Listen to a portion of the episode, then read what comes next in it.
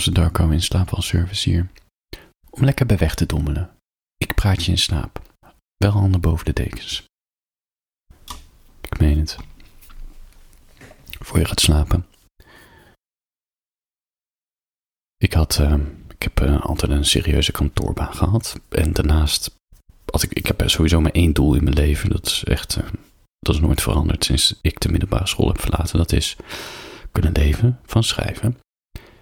Maar goed, dat pad is nooit een rechte lijn. Het is rommelig gegaan. Motivatiedipjes gehad, maar het staat altijd in mijn hoofd. Maar je moet ook geld verdienen.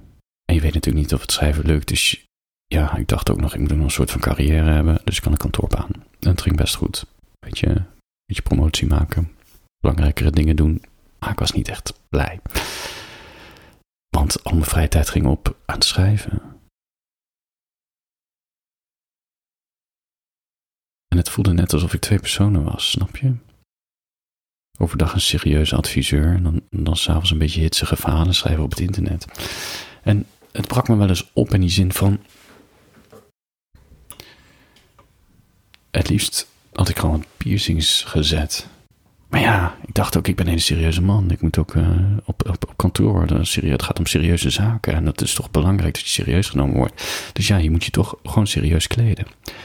Ja, ja weet je, rebel in mij en misschien ook in jou zou zeggen, boeien, kleed gewoon hoe je je wil kleden, sta je niet aan. Maar het werkt gewoon niet zo. Het werkt niet zo. Ik heb voor een, ik heb veel voor de overheid gewerkt. overheid is smart casual, snap je? Je ziet er een beetje netjes uit, maar ook gewoontjes. Ik heb ook voor een beursgenoteerd bedrijf gewerkt. En hoewel ik niet, uh, toen ik een, um, ik zat niet, ik zat niet onder de holding. We zaten bij zo'n uh, zustertak. Dat was iets informeler. Maar, maar ik deed ook klussen op het hoofdkantoor, dus onder de holding. Daar loopt dus iedereen in pak. Iedereen. En dan een beetje in pak, echt van die dure pakken en glimmende schoentjes. En dan kom ik dan een beetje half smart casual met mijn jasje en mijn shirt en mijn, spijkerbroekje en, en uh, nette schoenen aan. Het voelt heel gek. En het is natuurlijk, je past je aan aan je omgeving. Als iedereen in pak gaat lopen, ja, ik had niet zoveel met ze te doen, dus ik hoefde niet in pak. Maar ik kan me wel voorstellen, als ik daar een functie kreeg, en je gaat toch in pak lopen. Ik ben nu twee jaar um, fulltime Thomson Darko. Financieel is het allemaal nog spannend. Maar ik ben ook gehard en gemotiveerd om niet terug naar kantoor te gaan. Ik ga niet al mijn. Nee, die, die, die, zeg ik verkeerd. Ik weiger terug te gaan naar kantoor. Ik ben het goede, kunst wordt beter, dingen staan goed, ik doe de juiste dingen. Het is een kwestie van geduld, gewoon mooie dingen blijven maken. Dan komt het allemaal vanzelf mijn kant op. Daar ben ik van overtuigd.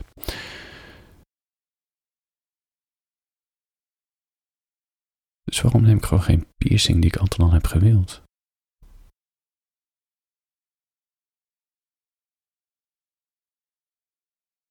Twijfelde ook. Want de laatste keer dat iemand uh, uh, naalden in mij aan het prikken was, dat was niet eens de corona-ding. Vaccin. Ik, ik had een, een, een, moedervlek bij mijn slaap. En een of andere manier ging die ook elke keer bloeden als ik bij de kapper was. En, ja, en zelf kapte ik er ook naast, langs. En als ik dan mijn haren wat korter had, dan, dan zag je gewoon zo'n hele grote moedervlek. Ja, op zich maakt dat niet zoveel uit, weet je. Imperfecties zijn juist heel mooi. Maar het zat, het zat ook gewoon in de weg. Dat gekrap en gebloed. Dus ik besloot een afspraak te maken om weg te halen. De dokter kan het niet, want het zit op een uh, vervelende plek. Normaal, de dokter zei ja, ik haal elke dag heel veel moedervlekken weg. Maar dit, dit zit bij de slaap en is toch een gevoelige plek. Dan kan je niet zomaar wat dingen doen. Het moet ook nog onderzocht worden of het niet uh, voor de zekerheid, of het alles oké is met die moedervlek. Hé, hey, alles oké? Okay? dus ging naar het ziekenhuis. Eerst uh, gewerkt in de ochtend op kantoor, gemeente Utrecht zat ik. Toen naar het ziekenhuis. Uh, volgens mij was diakonesse. Wachten, wachten. Het was, na de, het was echt zo'n ziekenhuis waar, uh, het is zo'n, ja, dan kom je er aan en hebben ze dus pauze. Dus dan moet je wachten en op een gegeven moment zie je heel langzaam alle luikjes weer open gaan en, en, en allemaal mensen in witte jassen voorbij komen. En op een gegeven moment kwam ook, uh, werd ik ook opgehaald om even die moedervlek weg te halen. En die vent, die duwt me toch een spuit in mijn hoofd. Volgens mij twee zelfs. Echt, en niet te zuinig. Hij zei nog, ja, dit kan heel erg pijn doen. Ja, uh, vergelijk het een beetje met een wespensteek. Nou, ik, ik, ik ben nog nooit gestoken door een wesp, maar tering zeg. Sorry. Oei, oei, oei. Weet je, je voelt die pijn. En dan blijft die pijn. Want hij, die vent die duwt hem nog even verder erin. Dat is niet te zuinig. En het zit ook nog bij het oor. Dus dat loopt dan door naar je longen. Want er zit een soort uh, hoestreflex uh, zenuw daar. Dus, nou, ellende. Vervolgens gaan ze die moedervlek wegsnijden. En je voelt gewoon alles. Het is wel verdoofd, maar je voelt ze trekken aan je huid. Je hoort het haar. Nou ja, Volgens moet gerecht worden.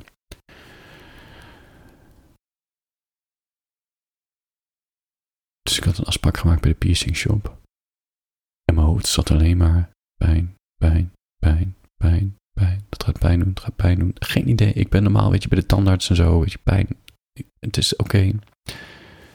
Maar die spuit voor die slaap, het was vooral ook daarna, want daarna ging ik gewoon met mijn stomme kop gewoon weer werken. Wat ik dus niet moeten doen. Ik was echt helemaal slapjes en ik kreeg een paniekaanval en gewoon mijn hele lijf was uit. Ik was helemaal uit mijn hum door die operatie. Begrijpelijk natuurlijk. Ik bedoel, je bent ook nog eens verdoofd. Dat heeft ook een, een half verdoofd dan. Plaatselijk verdoofd, sorry. Heeft ook een effect. Snap je?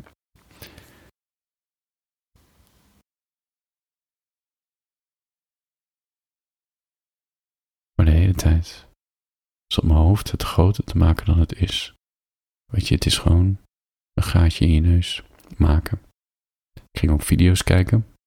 Dacht ik, oh ja. ik weet niet waarom, maar dan kon ik in ieder geval een beetje voorbereiden van wat er ging gebeuren. En ik weet ook, mede door mijn paniekaanval verleden, dat vaak waar het meest tegenop ziet, het heeft sowieso rationeel gezien geen zin om je zorgen op te maken, want als het gebeurt, dan is het toch anders. Je hebt meer controle, je hebt meer invloed op wat er gaat gebeuren, op de pijn, op de gesprekken, op hoe je jezelf geruststelt, hoe die ander is. Je hebt veel meer invloed, dus het heeft niet zo heel veel zin om er heel erg mee bezig te zijn. Maar ja, dat hoofd doet gekke dingen. Dat hoofd doet gekke dingen.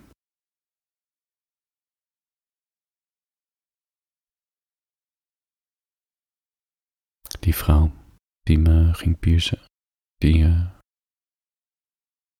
ik moest eerst een heel formulier invullen. Echt niet normaal. Ik heb het ook wel eens bij de tandarts gehad, dat je echt zo'n heel formulier moet invullen, dat je bijna denkt van, gebruik je drugs? Heb je HIV? Weet je, nou, nou, het HIV stond er niet in, maar weet je, allemaal van die persoonlijke vragen. En ik denk, ja. Goed, vragenlijst ingevuld. Het was op zo'n mobieltje, moest ik dat doen, maar hij verstuurde hem niet. Toen nam ze me mee naar die ruimte. Zo'n steriele ruimte. Ze zei, ja, je sieraad zit erin om het steriel te maken. Maar dat duurt nog acht minuten. Dan denk je, god jeetje. En dan zit je, want je zit geen moment van, oké, kom nu maar door. Weet je, ik ben er klaar voor, we zijn er kom maar op met die pijn, dan kan ik weer ontspannen. En vervolgens moet je acht minuten wachten, terwijl, ja, weet je, het is echt zo'n steriele ruimte waar je denkt van, ja, hier, dit is zo'n ruimte waar ze organen uit je halen. dan in, in, in, in, in een uh, vrieskist stoppen en of verkopen ergens op de zwarte markt. je nier. Nou ja, misschien me uitleggen hoe ik mijn piercing moest schoonmaken. Maar het is allemaal het ene oor in, de andere oor uitgaan. Ik kon me echt niet concentreren. Goed, geen maar mocht ik plat. Dat is altijd een hele goede methode. Zij, weet je, je krijgt zo'n doekje om je heen en ze dat allemaal spul in mijn neus te stoppen. En dan uh, zei op een gegeven moment, als jij, als jij er klaar voor bent, heb ik sowieso een hele lekkere zin. Als jij er klaar voor bent, ik gebruik hem ook in mijn uh, promotiemailtjes, of uh, in mijn mailhandtekening, in mijn woensdagmail, tomsendarko.nl, elke woensdagavond een mailtje staat zoals je er klaar voor bent. En dan zeg ik, je kan een boekje hier kopen, je kan je abonneren op Petje Af, je, dat soort dingen. Als je er klaar voor bent. Dat zei ze ook. Als je er klaar voor bent, adem heel diep in en heel diep uit. En het moment dat je uit hebt geademd, zit hij er al in. Goede methode. Dat betekent dus dat ik me niet ga concentreren op de pijn, maar op mijn ademhaling. Very smart. En ze geven mij de controle. Want ze zegt, als jij er klaar voor bent, adem heel diep in. Dan weet ik, dat is waar het seintje om uh, pijn te doen. Dus ze zei wanneer je klaar voor bent. Thompson. Ik dacht, oké, let's go. Ik adem in. Ik weet niet eens hoe ik heb uitgehaald, maar voor ik het wist, weet je, pijn. Klein beetje, klein steekje. Maar niks vergeleken met die spuit. Bij mijn slaap. Echt, uh, dit kan ik makkelijk aan. Kom op, ik ben geen poesie. Hè? Daarna een beetje geprik en gepoor en uh, gedraai en uh, schoonmaak. Toen zat hij erin. En nu ben ik een man en heb ik een neuspiercing. En ik merk vooral als ik op straat loop kinderen echt me zitten aan te kijken. Ja, spijt me kinderen. De wereld is niet zwart-wit, de wereld is grijs. Mannen hebben nagellak. Vrouwen hebben kort haar. Ik zeg maar wat. Ik heb er wel een tekst op gemaakt, want die dagen voordat ik naar die piercing shop ging, um, zat ik elke keer in mijn hoofd dat pijn die je verwacht erger is. Ik weet niet of het helemaal waar is, maar zo lijkt het wel. De pijn die je ziet aankomen, dat het pijnlijker is. Nou ja, ik heb niet over een piercing geschreven, maar wel die metafoor. Ik ga hem even zoeken. De ergste pijn is de pijn die je voelt aankomen. Um, de titel van dit verhaaltje is Als de liefde van je leven er vandoor gaat. Ik ga hem gewoon voorlezen. Ik doe het gewoon. Voor je gaat slapen. Ben je er klaar voor? De ergste pijn is de pijn die je voelt aankomen. Samen in de trein, naar huis, samen op de koffie, bij oma, samen aan de kade met een fles witte wijn tussen ons in. De ergste pijn is de pijn die je altijd hebt ontkend. We zijn goed genoeg voor elkaar. Het gaat zoals het gaat. Anderen hebben het erger. De ergste pijn is de pijn die je niet wil voelen. Vluchten is wat je altijd doet. Vragen ontwijken over je gevoel gaat je gemakkelijk af. Maar misschien is wel het moment na de pijn wat het zo uitzichtloos maakt. De vraag: wat nu? Voor je gaat slapen.